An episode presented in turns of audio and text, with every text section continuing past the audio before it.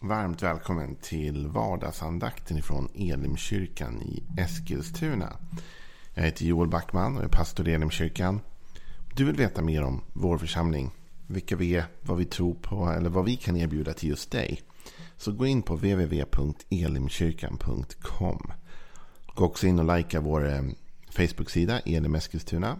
Och gå gärna in och prenumerera på vår YouTube-kanal Elimkyrkan Eskilstuna. Så vill jag tipsa dig att den 21 till 25 oktober så har vi en hemferens, vår årliga konferens som kallas för Höstglöd. Som i år sker helt digitalt på grund av läget i världen. Men du kan hänga med från onsdag kväll till söndag förmiddag. Eh, gå in på www.elimkyrkan.com eller gå in på www.hostglodskonferensen. Höstglödskonferensen alltså utan ä och, och allt. Höstglödskonferensen.se då hittar du all information om det. Och det kommer fyllas på med information de närmsta dagarna. Så håll utkik efter det. Ikväll är det onsdag också. Så att ikväll är det Mirakelonsdag 19.00. Vill bara tipsa om det. Gå in på vår Facebook-sida. Häng med live. Kommentera. Skriv in bönämnen och så vidare. Okej. Okay. Vi är inne i psalm 8 just nu. Eh, och eh, en psalm skriven av David. Och den går så här. Herre vår härskare. Väldigt är ditt namn över hela jorden. Jag vill besjunga din prakt, din himmelska prakt, med ett barns, ett dibarns mun. Du har rest ett värn mot dina fiender, för att betvinga ovän och hämnare. När jag ser din himmel, som dina fingrar format, månen och stjärnorna som du fäster där, vad är då en människa att du tänker på henne? En dödlig att du tar dig an honom? Du gjorde honom nästan till en gud. Med ära och härlighet krönte du honom. Du lät honom härska över dina verk och allt lade du under hans fötter. Får och oxar, all boskap, markens vilda djur, himlens fåglar och havets fiskar. Allt som vandrar havets stigar. Herre vår härskare, väldigt är ditt namn över hela jorden. Vi har talat om hur Gud skapade oss till sin avbild. Det gjorde honom nästan till en gud. Vi är skapade till Guds avbild. Helt unik plats i skapelsen har det mänskliga släktet. Man och kvinna är skapade efter den urbilden. liksom. Och vi blir krönta med ära och härlighet. Gud vill klä på oss det goda. Och Gud vill att du ska förvänta dig det idag. Att Gud har plockat fram en vacker skrud åt dig så att säga. Gud har lagt fram de finaste kläderna för dig att ta på dig idag. Eh, kläder som består av ära, som består av, av, av härlighet och rikedom och godhet. Gud har förberett saker han vill få klä dig och kröna dig med. Och så har han också gett dig och mig en uppgift. Och eh, det är detta. Du lät honom härska över dina verk. Det finns en viktig sak i det här som, som jag tror man behöver poängtera. Eh, och som har mycket tror jag, att göra med också mitt perspektiv på nåd. Och hur jag har studerat nåd. Det är detta. Att det står inte att Gud först ger oss en uppgift. Och sen kröner oss. Utan först så kröner han oss. Och sen så ger han oss en uppgift. Det är väldigt viktigt. Därför vi får så lätt för oss att vi måste förtjäna Guds goda. Att om jag gör mitt jobb bra då kan Gud kröna mig. Om jag gör allt det som Bibeln säger. Om jag håller alla buden. Om jag lever rätt. Om jag gör bababa. Om jag liksom kämpar med kyrkan. Vad det nu kan vara. Den uppgiften, kallelse jag har. Om jag bara gör det rätt. Om jag gör det bra. Då kommer Gud kröna mig med sin härlighet. Men enligt Bibeln så kröner han dig. Inte med härlighet och rikedom och ära. På grund av det du gör. Främst. Utan han kröner dig med rikedom, härlighet och ära på grund av att du är hans avbild. På grund av att du är hans barn. Så först kröner Gud dig, sen ger han dig en uppgift. Och vi kommer komma till om en liten stund att det finns absolut saker som, som vi kan göra som kan påverka ändå vårt läge. Liksom. Om vi sköter vårt jobb bra så kommer Gud anförtro oss mer eh, att sköta och han kommer anförtro oss godhet eh, och nåd på olika sätt. Men grundläggande så är vi krönta, inte på grund av det vi gör, utan på grund av dem vi är. Sen kan det vi gör också leda till resultat i vårt liv. Och jag kommer komma till det. Men jag vill att du ska landa i det. Om du känner dig som att liksom, men jag kan aldrig leva upp till. Eller jag kan aldrig bli bra nog. Eller jag kan aldrig klara allt det jag måste klara. Eller, eller leva rätt. Liksom. Jag försöker men jag misslyckas hela tiden. Lyssna. Gud kröner dig ändå. För Gud kröner dig inte beroende på vad du lyckas med i livet. Utan Gud kröner dig på grund av vem du är. Att du är skapad i hans avbild. Om du tar emot Jesus och blir född på nytt. liksom. Får din identitet som ett Guds barn. Där i ligger din kröning. I din identitet. Inte främst i det du gör. Utan i vem du är. Ändå gav Gud oss en uppgift. Gud gav oss en uppgift. Du lät honom härska över dina verk. Och här finns det så mycket sanning som måste fram. För det första att det är Guds verk. Ibland lever vi med någon annan typ av illusion. Och, och det lurigaste när vi kopplar bort Gud från skapelsen. När vi kopplar bort Gud och säger att allting är bara resultatet av en evolution eller en slump eller någonting vad det nu kan vara. Jag säger inte liksom att det inte finns någon form av mikroevolution för det är klart det gör. Och jag säger inte att liksom det finns sådana saker men när vi kopplar bort Gud och säger att Gud behövs inte för vi har Big Bang och vi har evolutionen och vi har andra saker. Problemet då blir att vi kopplar bort Guds ägandeskap av allting. Och så tror vi plötsligt att vi äger det och att allt är vårt. Men Bibeln talar om att Gud äger allt men att han anförtror åt oss sitt verk. När man har Gud som skapare då innebär det också att Gud är ägare. Och det är väldigt viktigt. Gud har skapat världen och det är David tar ju upp det tidigare, eller hur? I salmen, han tar upp det, han säger så här. Ehm, när jag ser din himmel som dina fingrar format, månen och stjärnorna du fäster där. När jag ser vad? Din himmel. Inte min himmel. Din himmel. Vad är då en människa?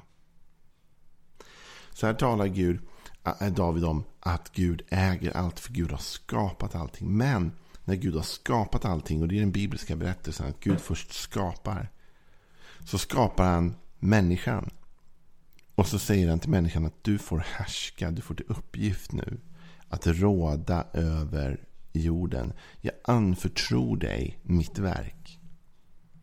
Så Gud anförtror oss med en uppgift. Du lät honom härska över dina verk. Gud har delegerat ansvar till dig och till mig.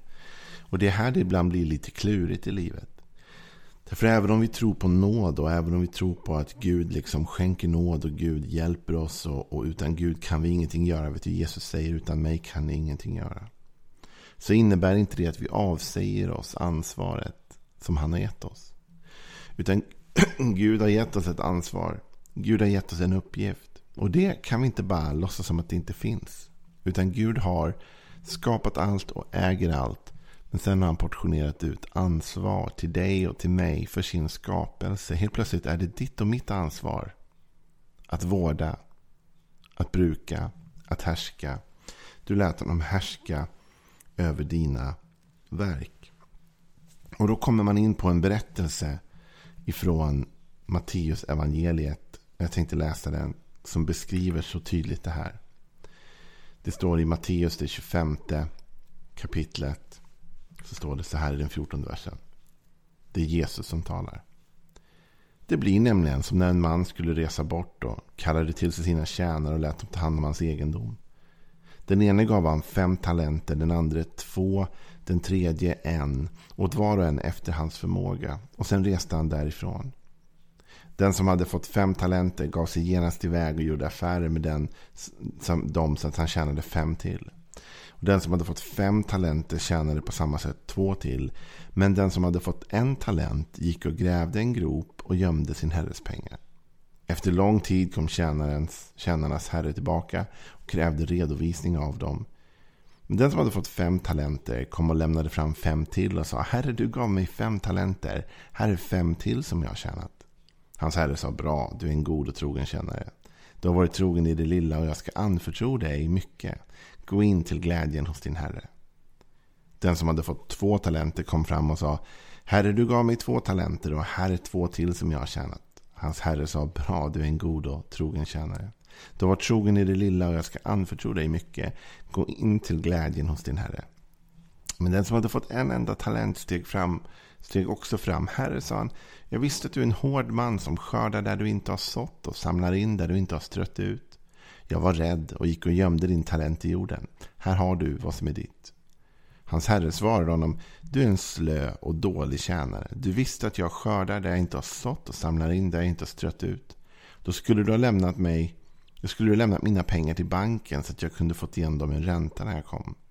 Ta nu ifrån honom talenten och ge den åt mannen med de tio talenterna. Var och en som har, han ska få och det är överflöd. Men den som inte har, från honom ska tas också det han har. Kasta ut den oduglige tjänaren i mörkret där ute där man ska gråta och skära tänder. Det är en tuff text på många sätt. Eh, men den handlar om ansvar. Det handlar om att Jesus talar om att det finns en herre som har delat ut av sin egendom. Han har delat ut av det han äger till sina tjänare. Och han har bett dem att vårda det medan han är borta. Du vet, Gud har överlämnat ansvar till dig och mig. För den här jorden, absolut. Här kommer miljödebatten in. Här kommer många saker in. Gud har överlämnat ansvar över jorden till dig och mig. Han har också överlämnat ansvar i viss mån över vårt eget liv. Precis som en god förälder när barnen växer upp får de lära sig att ta mer och mer ansvar för sitt eget liv. Så lämnar Gud också ansvar till dig och mig för våra liv. Han har gett oss verktygen, han har gett oss redskapen. För det är det som är grejen här. va. Att den här Herren som reser bort, han ger dem saker att förvalta. Så de har inte behövt tjäna ihop det själva, de har inte behövt försörja för sig själva. Men de får någonting att förvalta. Att härska över. Och Det fantastiska med den här Herren i berättelsen som jag tycker inte alltid kommer fram.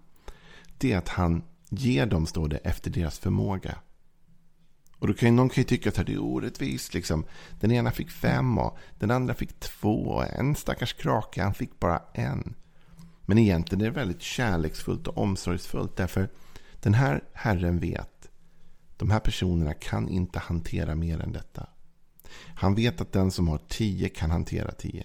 Han vet att den som har fem kan, eller den som har fem kan hantera fem. Han vet att den som har två kan hantera två. Och han vet att den som har en kan hantera en. Och ibland tänker man sig att den här herren är taskig mot den här stackars kraken som hade en talent, du vet. Men texten är väldigt tydlig med att det står att Herren gav dem var och en efter sin förmåga. Det innebär att när han sen kommer och kräver att den här stackars kraken med en talent skulle ha fått den att växa. Så visste han att han kunde ha fått den att växa. För han hade portionerat ut ansvar efter hans förmåga. Och han visste, jag kräver inte något orimligt av dig, du är bara lat. Jag krävde inte något du inte kunde prestera och jag gav dig inte mer ansvar än det du kunde hantera. Men du gjorde inte det. Du tog inte på dig det ansvaret. Vet du, Gud har gett dig och mig ansvar för våra liv och, och för saker som händer runt omkring oss. Men Gud ger oss inte mer ansvar än vi kan hantera. Han tar hand om det vi inte klarar. Han hjälper oss med det vi inte kan. Men i den mån vi kan så ger han oss ett förtroende att härska över saker. Att ta ansvar för saker. Och när vi då, då har vi ett val. va? Att antingen ta det ansvaret eller inte göra det. Att göra det bästa av det vi har och det vi kan. Eller att vara lata och gräva ner det och ignorera det. Och låtsas som att det är någon annans ansvar. Det är inte mitt ansvar. Nej, Gud ger oss ansvar. Och Gud vill att vi ska ta det ansvaret. Han vill inte ha en massa ursäkter varför vi inte gjorde det vi inte kunde. Och då kanske någon säger, men vad, liksom, tänk om jag inte klarar det då? Du kommer klara det. Därför Gud har redan avvägt vad du klarar. Han ger inte mer talenter till någon än vad man kan hantera. Så det Gud vill att du ska ta ansvar för, det har du förmågan att hantera. Ta ansvar för. Han förser dig med det du behöver. Det enda han vill är att du försöker. Så jag vill utmana dig idag. Det här kanske är en lite mer utmanande idag än igår. Igår pratade vi om att krönas med härlighet och ära och rikedom. Och det vill Gud göra. Men Gud har också när han har krönt dig sen gett dig ansvar för vissa saker. Där han vill att du ska växa. Och jag vill utmana dig idag. Spring inte ifrån det ansvar Gud har placerat i ditt liv. Försök inte gräva ner den talent han har gett dig. Och tro inte heller att du inte kan hantera den. För det Gud har gett dig att hantera, det har han avvägt att du kan hantera. Det kan du få att växa. Det kan bli mer. Och han är med dig men du måste åtminstone vilja. Så låt oss ta den utmaningen idag. Låt oss inte säga nej, nej, nej. Utan låt oss vilja. Låt oss tänka vi kan och vi ska få den här talenten att växa. Ha en välsignad dag.